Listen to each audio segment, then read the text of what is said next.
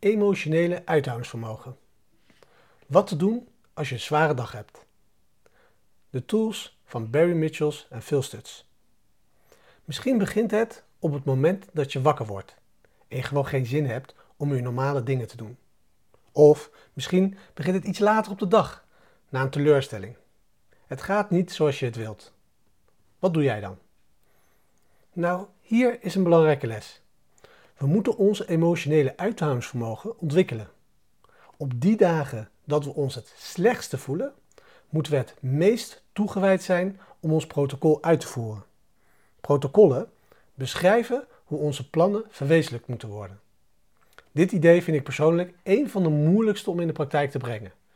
Het is mentaal te begrijpen dat we beter, sterker en effectiever worden in het halen van onze doelen als we erin slagen om dit te doen. Echter is het ontwikkelen van deze vaardigheid precies de plek waar we onszelf tegenkomen. Dit is het. Dit is misschien wel het allerbelangrijkste idee dat ik met je kan delen. Dit idee zit in mijn top 3 beste ideeën.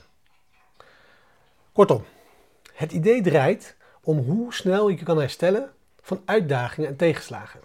Phil Stutz vertelde mijn coach ooit dat we, terwijl we onze zelfbeheersing cultiveren, het volgende tegen onszelf moeten zeggen.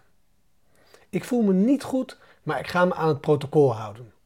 In feite ben ik het meest vastbereide om vast te houden aan het protocol wanneer dit het moeilijkst is. Ik herhaal. Ik voel me niet goed, maar ik ga me aan het protocol houden.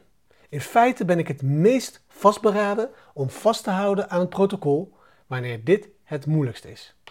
Stel je voor dat jij het meest toegewijd bent aan het doen van de kleine dingen waarvan je weet dat die werken, ook als je het minst goed voelt. Hoe slechter we ons voelen, hoe meer we ons moeten inzetten om het werk te doen.